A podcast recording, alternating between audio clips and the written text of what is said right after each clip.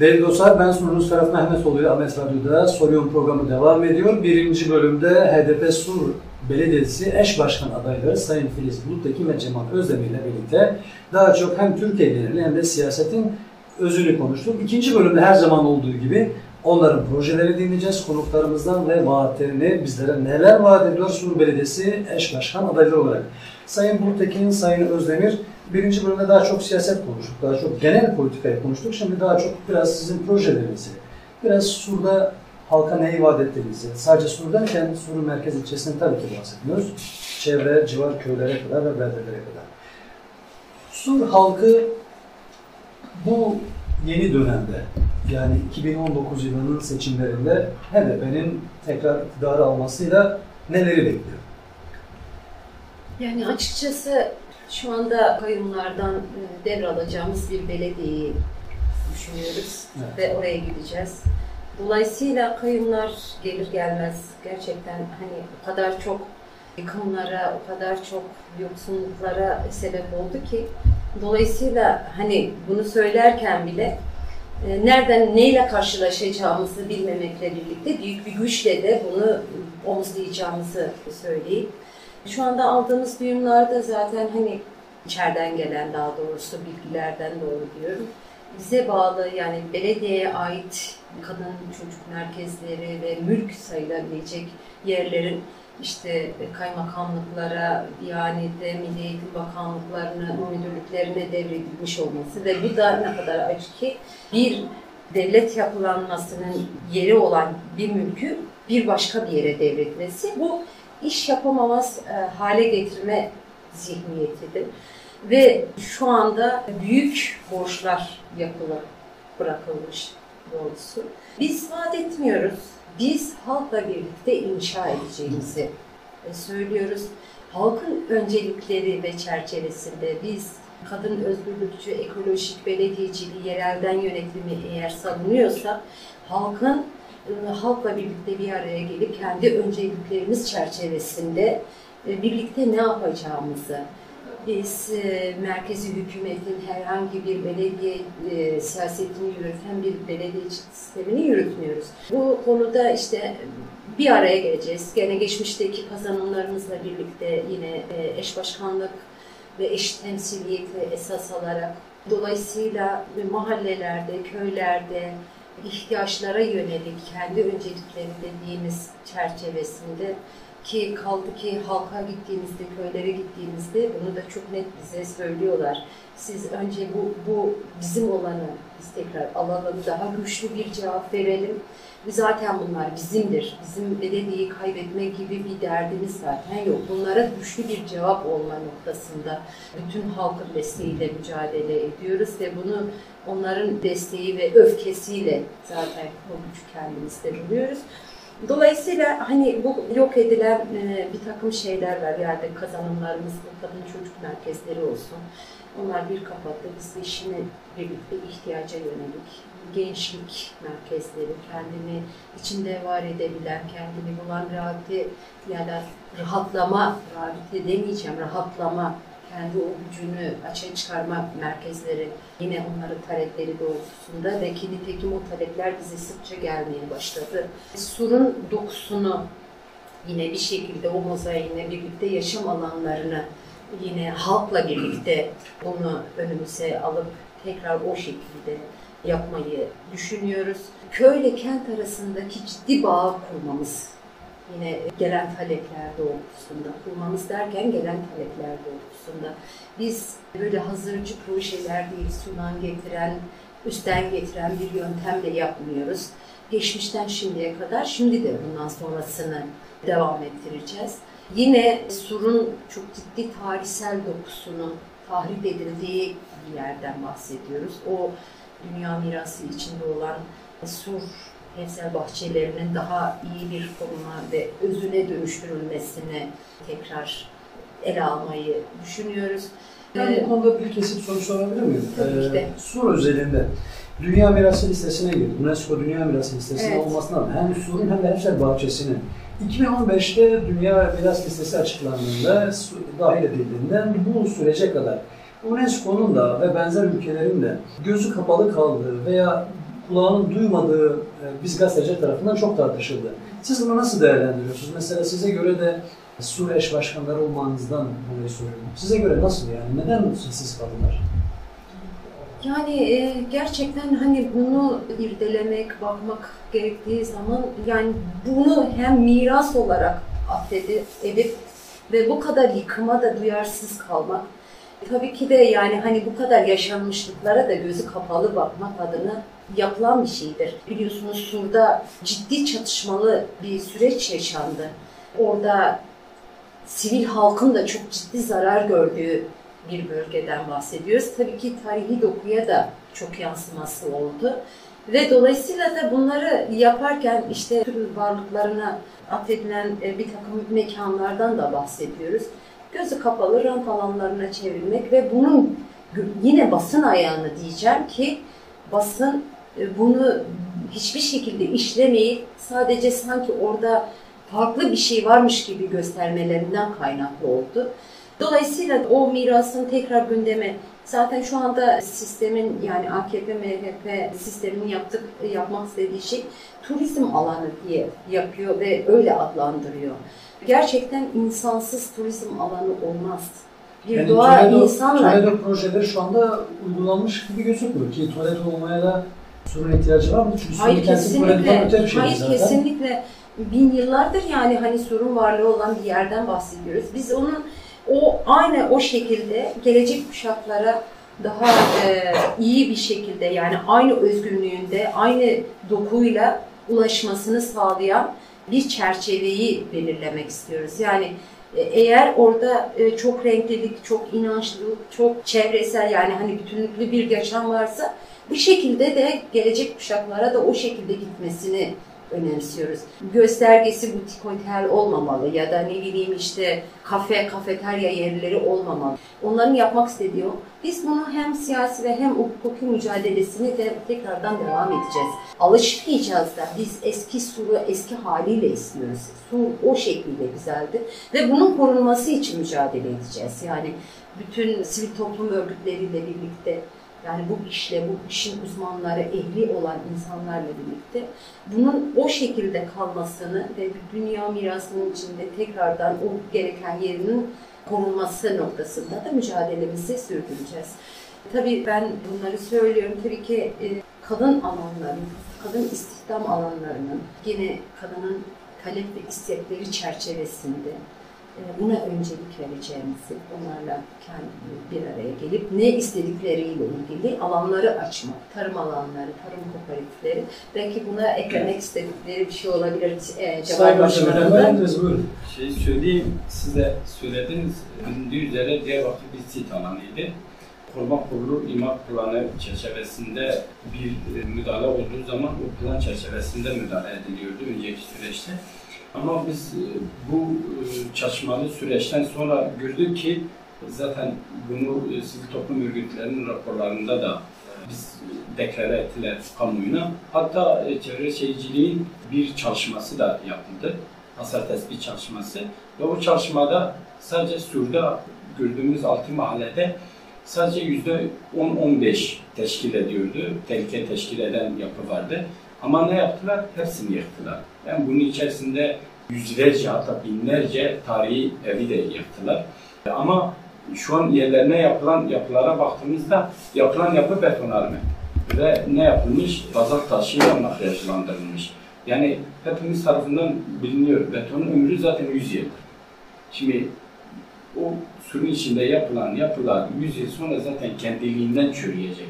Beton ömrüyle... müdahale olmasa. E, tabii müdahale olmasa dahi dün, sen yine bir dönüşümle tekrar yıkıp yerine yeni yapı yapmak zorunda kalınacak. Ama şeye baktığınız zaman bizim mesela 2009 yılından sonra Büyükşehir Belediyesi ile TOKİ ile bir protokolümüz vardı belki biliyorsunuz. O protokolün şeyi sürün içerisinde sonradan yapılan betonarme yapılar ve karlı yapılar yıkılacaktı. Ee, Var olan yapı korunmuş var olan yapı kalacaktı ve yeni yerine yapılacak yapıların da o var olan yapıların aynısı yapılacaktı. Benzerleri ve taşlarla tabi yapılacaktı ve o sokak dokusu, sokak yapısı bozulmadan tarihi surun gerçek tarihi açığa çıkarılacaktı. Şey buydu, Toledo'dan bahsettiniz. Toledo'da zaten odur yani tarih, o doku korunmuş zaten. Avrupa ülkelerinin birçok ülkesine de gidildiği zaman yani restore edilen tarihi yapılar hepsi restore edilmiş ve günümüz koşullarında oturulabilecek duruma getirilmiş. Ama süre baktığımızda e, tam tersi zaten hedeflenen, hedeflenmek istenilen şey de oydu zaten. Yani biz 2009'da TOKİ'yle yaptığımız protokol çerçevesinde onu yapmaları gerekiyordu. Ali Paşalarla Bey'de ama biz gördük ki 4-5 yıl süre zarfında hiç müdahale yapılmadı. Hatta bazı mahallelerde evler harabeye dönüştürüldü, boşaltılan evler harabeye dönüştürüldü ve halkın ciddi anlamda da tepkisi geldi bize. Mesela biz e, halk toplantısı yaptığımızda ciddi anlamda tepki vardı o dönemde 7 Haziran seçme öncesinde. Yani 2009'dan ta 2015'e kadar herhangi bir müdahale de yapılmamıştı. Halk diyordu harabeler işte gençler gidip işte uyuşturucu kullanıyor vesaire ciddi anlamda bir talep vardı. Ve biz bu talebi TOKİ'ye iletmemize rağmen belediyeci, belediyelerimiz aracılığıyla işte o harabeler yıkılıp sur için yapılan projenin e, hayata geçirilmesi için bir baskı da yapılıyordu. Yani bir türlü cevap alınamıyordu. Ama ne oldu? 2016'da işte o yıkımdan sonra bir seferde geldiler hemen her tarafı dümdüz ettiler. Oysa sen 5-6 yıl boyunca Ali Paşa, Lale Bey'i sen ıslah edemedin o proje çerçevesinde. Biz bunu gördük. Aynı zamanda öbür taraftan da yıkılan mahallelerde de yine aynı bakıyoruz, görüyoruz. Butik otel yapılıyor, iş yerleri yapılıyor vesaire. Surun tarihi dokusuna aykırı işlemler yapılıyor. Tabii biz bunu ne yapacağız? Yani şu an zaten çoğu yarım durumdadır. Biz geldiğimiz ilk günden beri, geldiğimiz ilk günden sonra biz buna müdahale edeceğiz. Yani gücümüzün yetebileceği çerçevesinde müdahale edeceğiz. Aslında olması gerekeni dile getireceğiz.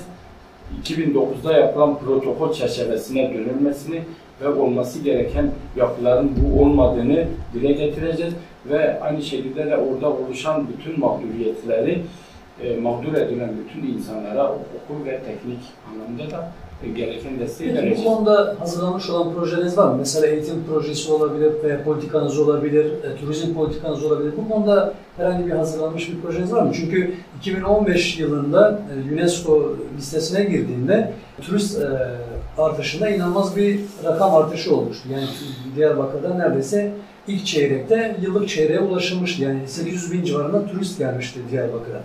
Siz bu konuda mesela neler yapmayı planlıyorsunuz? Eğitim alanında, turizm alanında, Sur ve Sur'un bölgesi çünkü dünyada benzeri olmayan bir yapıya sahip. Şimdi eğitim anlamında daha önceki belediyelerimizin öncelikli hizmetlerinden birisi eğitim destek evleridir. Ama bugüne baktığımızda bu eğitim destek evleri kapatılmış ve farklı amaçlarda kullanılıyor. Başkan da dile getirdi, eş başkanımız. Hatta bazı kurumlarımızın farklı kurumlara devre ettiğini görüyoruz. Bakıvar'da, Çarıklı'da kurumlarımız var da şu an farklı kurumlarda ve farklı şekilde e, hizmete kullandığını görüyoruz. Geldiğimizde bunu yapacağız. Özellikle yani Sur halkı biliyorsunuz Diyarbakır'ın en mağdur ve en fakir kesiminin olduğu bir kesimdir.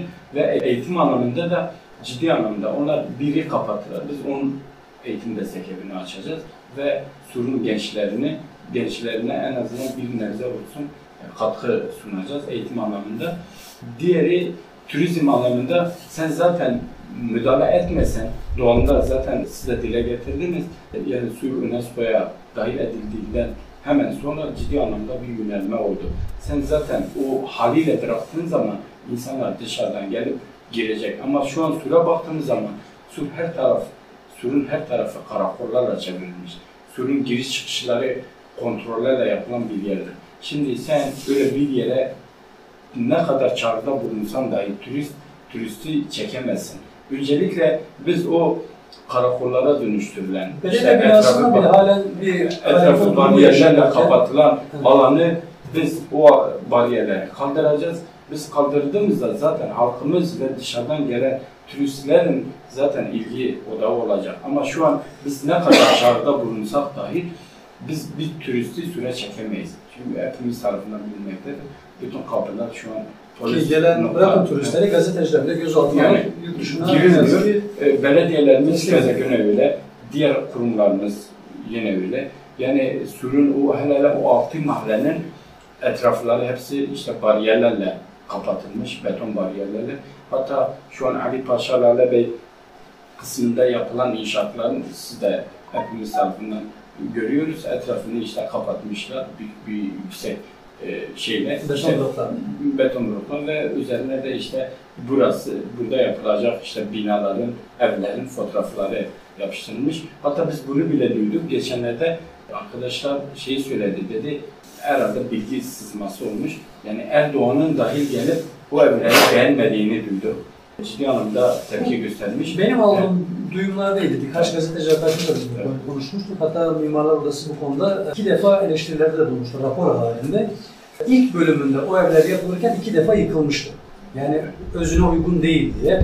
Hatta birçok defa e, Sayın Cumhurbaşkanımız da Diyarbakırlı gözüken bazı sanatçılara, bazı önde olan figürlere de sormuştu. Nasıl buluyorsunuz diye.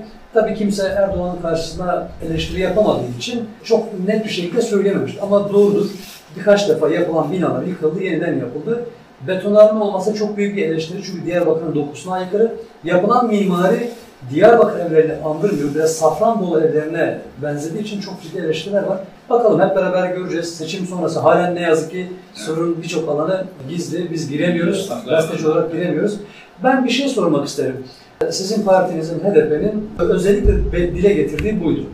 Bir daha kayım olsa ki Sayın Cumhurbaşkanı ve İçişleri Bakanı dile getirmişti, biz yine kayım atarız demişlerdi. Bir daha kayım olsa bile, tek gününde olsa bile biz o iktidarı onlardan alacağız ve gerekirse bir daha alsınlar demiştiniz. Bunu halk da aslında söylüyor. Biz sokağa çıktığımızda e, muhabirlerimizi gönderdiğimizde sokak röportajları yaptırıyoruz. Çok ilginç tarafı röportajların %80'i bu yönde. Biz yine aynı partiye vereceğiz. Parti ismi vermiyor. Ama gönlümüzde yatan parti diyorlar. Önceki partilerimiz vereceğiz. Dolayısıyla sizleri işaret ediyorlar. Diyelim ki yine kayım atandı. Ki mesela Muş'ta bir önceki milletvekilinizi tekrar göstermişsiniz. Mesela Mardin'de Ahmet Türk'ü göstermişsiniz. Yani biraz sembol isimler tekrar. Osman Baydemir Diyarbakır'da olmadığı için gösterilmedi sanırım.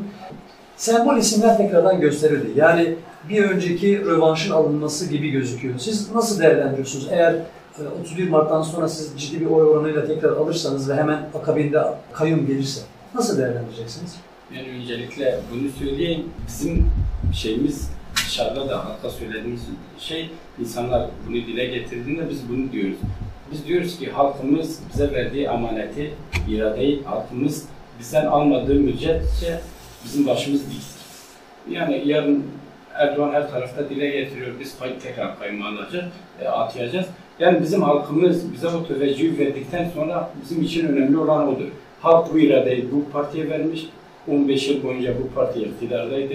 Tekrar eğer biz bu halka layık olmasaydık halkımız tepkisini dile getirdi ve bu belediyeleri bizden alırdı.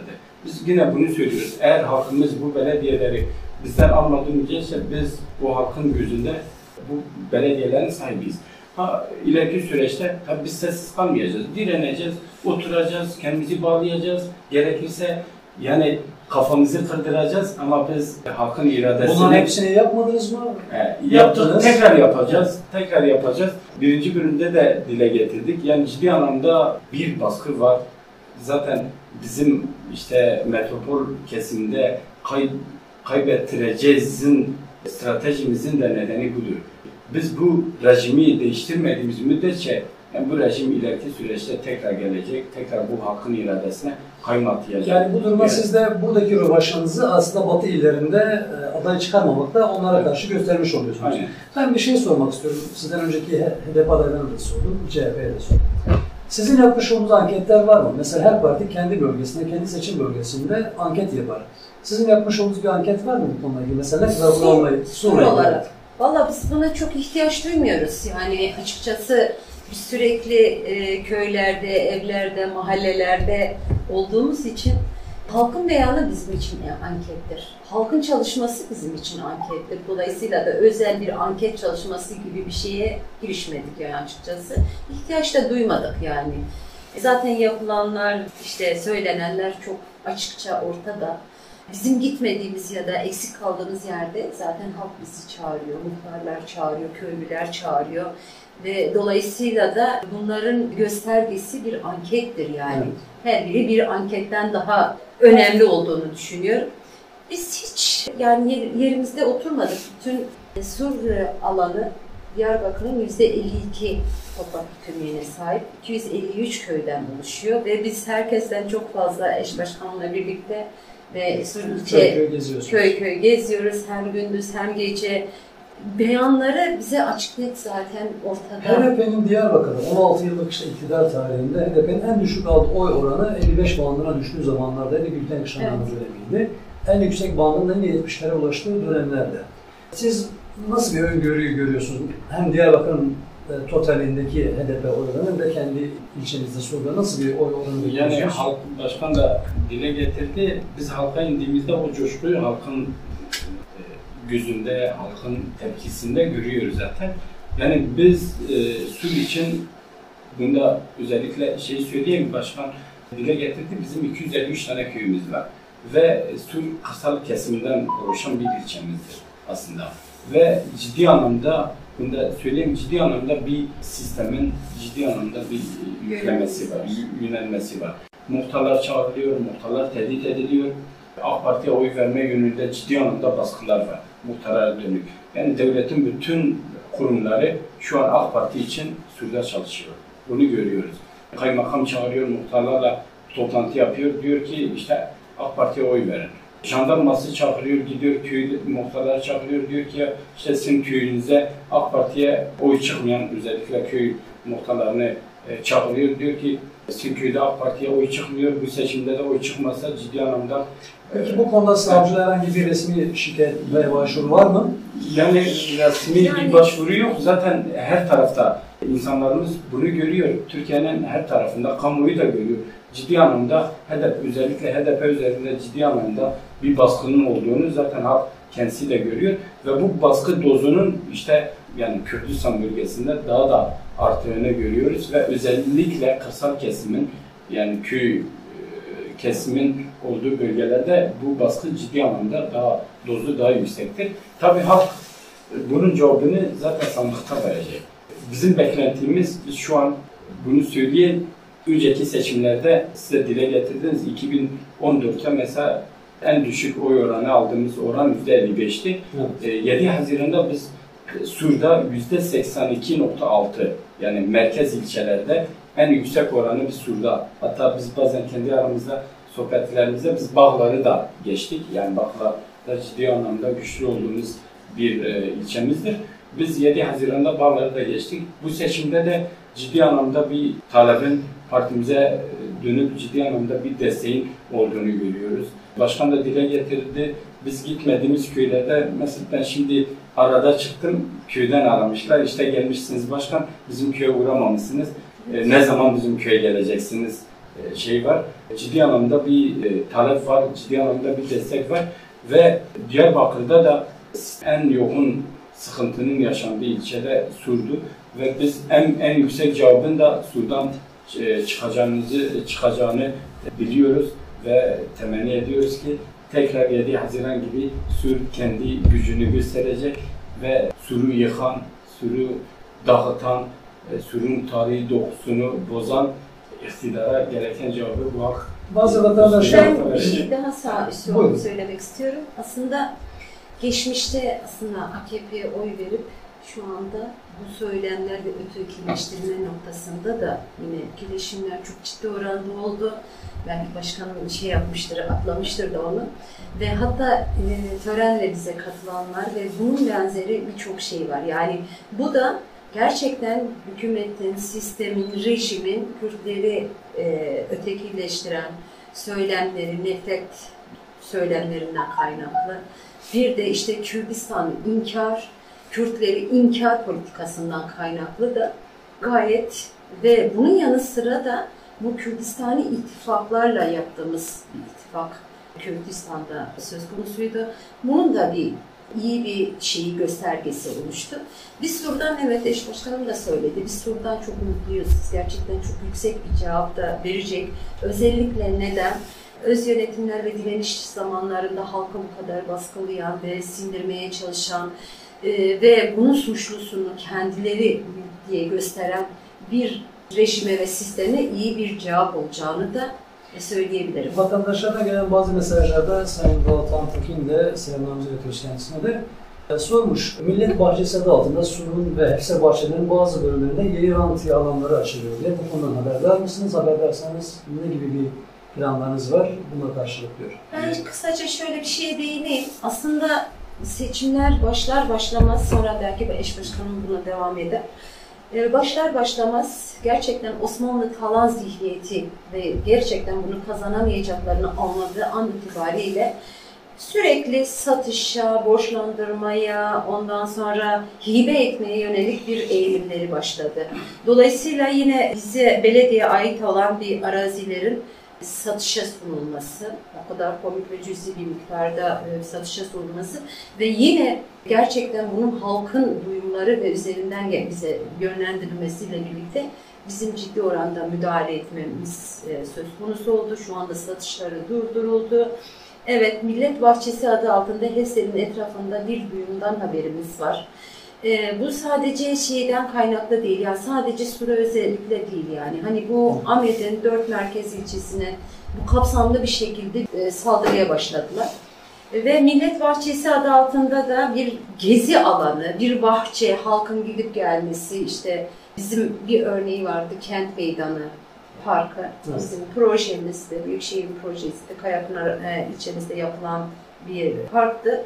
Şu anda Millet Kahvesi mi ne bir şey adı altında açılışlar, açılış üzerinden açılışlar, konferans ve kültür e, merkezinin aynı şekilde bizim devamlı yaptıklarımızın üzerinde kendilerine prim sağlamalarıdır. Tabii ki biz bunlara müsaade etmeyeceğiz yani hani bunun yasal bir süreci vardır. Şunda seçime kaç gün kaldı ki? Bunun yanı sıra gider ayak belediyeye işçi alımları, halkı suistimal edip istismar etmeleri aslında. Kendi yandaşlarını bir sürü insanı o kapılara dizip sömürmek. Yani en Ve- son 437 işçi alınacak. Aynen öyle. 25 bin insan başvuruda bulunmuş. Aynen öyle. Seçim öncesinde Ve bu da gerçekten şey yani kendi yaş- yandaşlarını oraya yerleştirmek adına gider ayak kendilerince yap- yapmak istedikleri bir jestten, e, jest sistemidir e, açıkçası. Ya ben burada e, şunu söylemek istiyorum. Yani buna kanmamaları lazım. Bu işsizlik sorunu üzerinden, bu işsizlik sorunu sadece belediyeler üzerinden tolere edilemez. Yani hani bu alanları, bu ekonomik krizi, Türkiye geneli bu sistemin değişmesi gerekiyor. Belli bir kesimi o şekilde avutup diğer kesimi de işte bekle sıran gelinceye kadar. Bu politik ve buraya özel yapılan bir siyaset olarak ortaya sunmuş oldukları şeylerdir. Peki şöyle bir düşünelim. 31 Mart'tan sonra seçimler oldu. Siz yine iktidar oldunuz burada ve belediyeleri geri aldınız. Ne kadar borçlu olduğundan haberimiz yok dediniz. Yani belediyeler borçlandırılmış dediniz. Dün Cumhuriyet Halk Partisi'nin adayı da dile getirdiği Büyükşehir Belediyesi'nin inanılmaz şekilde borçlandırıldığını söylüyor. Ee, Uzun yıllar bu borçların ödenemeyeceğini dile getiriyordu. Nasıl olacak bunlar? Mesela siz aldınız buraları, hükümet de halen AK Parti olduğu için size biraz ambargo uygulayabilir mi? Mesela o borçların kapatılması için sizi biraz kıskaca sokabilir mi? Siz borçluyken yatırımları nasıl yapmayı planlıyorsunuz? Şimdi öncelikle e, bunu söyleyeyim. Ben bir dönem Suriye Belediye Meclisi de yaptım. Onun için e, biraz belediye işleyişini e, hakimim. Yani bizim sizin de dile getirdiğiniz gibi mesela bizim dönemde işçilerin emekliliği için dahi başvurup işte e, İler Bankası'na başvurup kredi çekme talebimizi bile olumsuz cevaplıyorlardı. Ama biz bunu gördük. Ee, Dışarıdan bize gelen bilgi de var. Kamu raporumuzda da bir nebze geçiyor. Ben bu iki, iki buçuk yıllık süre zarfında, iki buçuk pardon, üç yıllık süre zarfında ciddi anlamda bir borçlanma e, oluşmuş. Bize söylenen 30 milyon civarı bir e, borç e, yani bırakılmış. Yani borç derken bir kredi e, çekmiş ve bu kredilerin de ödemelerin işte 2019'da başladığını biliyoruz. Onun ötesinde E, Başkan da dile getirdi. Gider ayak işte bizim önceki geçmiş dönemde işte 18 uygulamasıyla işte kullanılmasıyla ileriki süreçte bu halkın hizmetine sunabileceğimiz işte parseller var, arsalarımızı. Gider ayak onları da satmaya çalıştılar. Kamunun tepkisi ve bizim biz de bir basın açıklaması da yaptık bu yönlü. Kamunun da tepkisiyle e, geri adım attılar. Bu şeyle ilgili bunu söyleyen bu siyasi gelenekten geliyoruz. Yani HADEP döneminde 1999'da ilk belediyeleri aldığımızda yine aynı biz devraldık. Bizim böyle bir pratiğimiz de var. Bunu söylüyoruz. Biz öncelikle siyasi siyasetimize ve halkımıza güveniyoruz. Tabii bu e, biz 10-15 yıllık süre zarfında yapmış olduğumuz bütün şeyi biz halkın desteğiyle aslında yaptık. Yani bizim bir arkadaş dile getirdi. Mesela e, 99'da biz bu belediyeleri ilk aldığında halkın ciddi anlamda bir sahiplenmesi vardı. Bir arkadaş dile getirdi dedi biz hale gidip geliyorduk. Biliyorsun halk giriş çıkışlarında bir makbuz kesiliyor. E, öncesinde diyor kamyonlarla geçiliyordu. Çok fazla bir dikkat alınmıyordu. Ve 99'da bu belediyeler belediyeleri aldıktan sonra diyor kamyonlarımız geliyordu şeye, Makbuz ödeyip öyle geçiyor. makbuz ödeyip hatta diyordu 3 liradır 5 lira kes, makbuzu kes bana ver.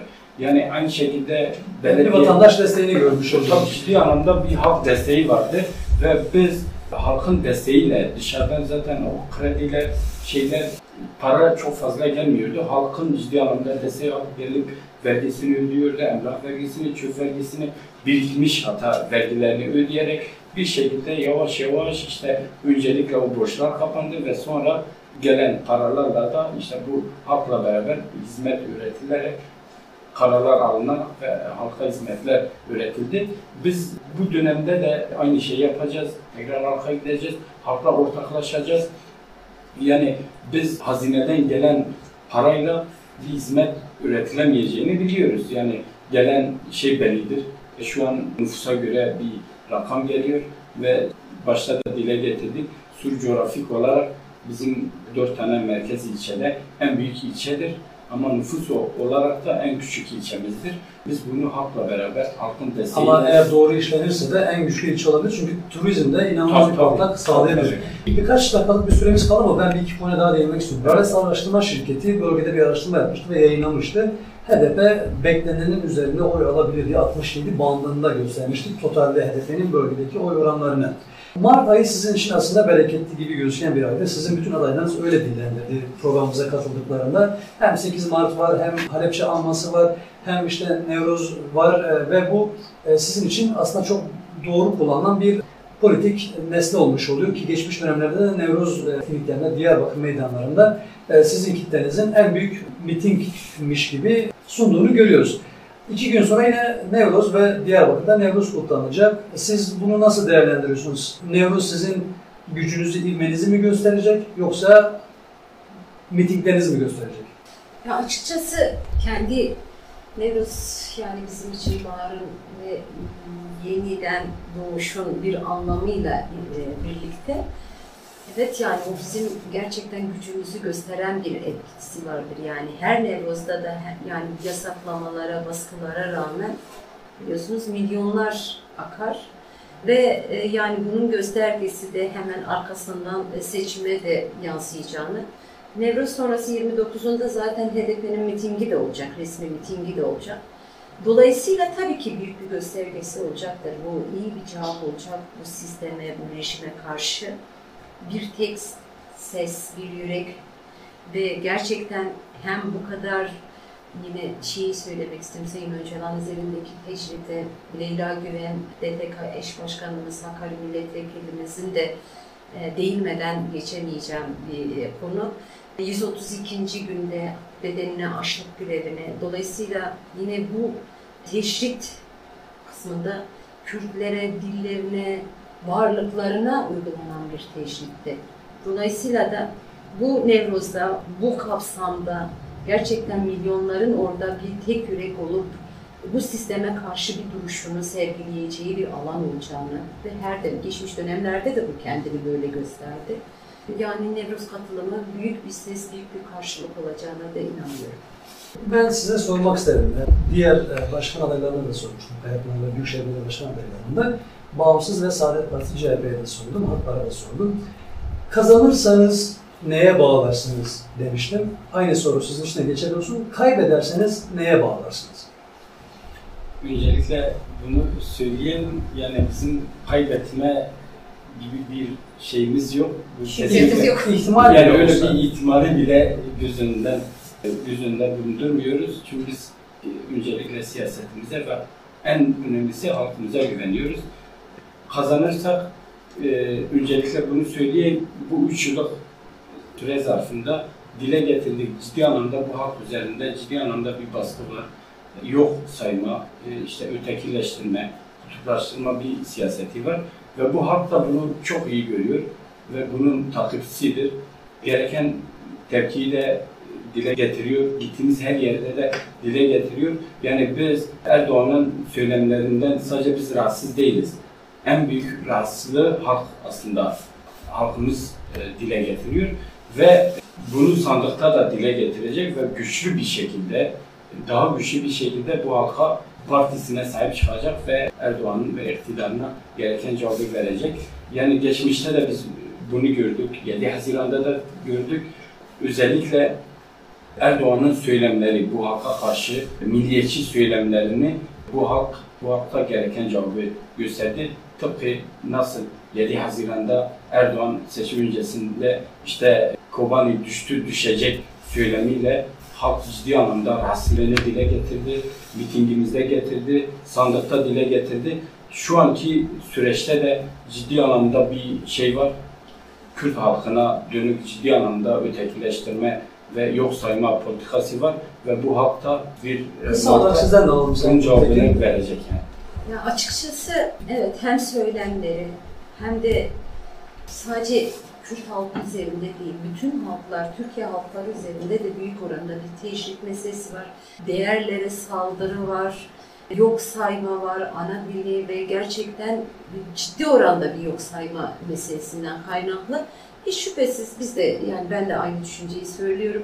Kazanmayacak gibi bir derdimiz yok. Bu, bu sefer gerçekten HDP'nin kazanacağı bir seçim olacağını ve Türkiye batısında da bu stratejik oylarla birlikte irade olarak HDP görüleceğine noktasında bizim bu rejimi sonlandıracağımızın inancıyla. Ben katıldığınız için çok teşekkür ederim ikinize de ve başarılar diliyorum size. Teşekkür ederim. Sağ olun. Sağ olun. Değerli dostlar, bir soru programı daha sonuna gelmiş bulunuyoruz. Ben sunucunuz Ferhat Mehmetoğlu Ahmet Radyo'da sizlere seslendik. Konuklarımızla beraber Sur, HDP, Diyarbakır eş başkanlarını konuk ettik ve olabildiğince süre zarfında sorularımızı sizden gelen soruları iletmeye çalıştık. Yarın yine aynı saatte başka bir konukla, başka bir siyasi görüşle sizlerle olmaya çalışacağız. Bizi takip etmeye devam edin ve Nevruz Özel programımızı sizlere sunacağız. Biz merakla bekleyiniz. Görüşmek üzere.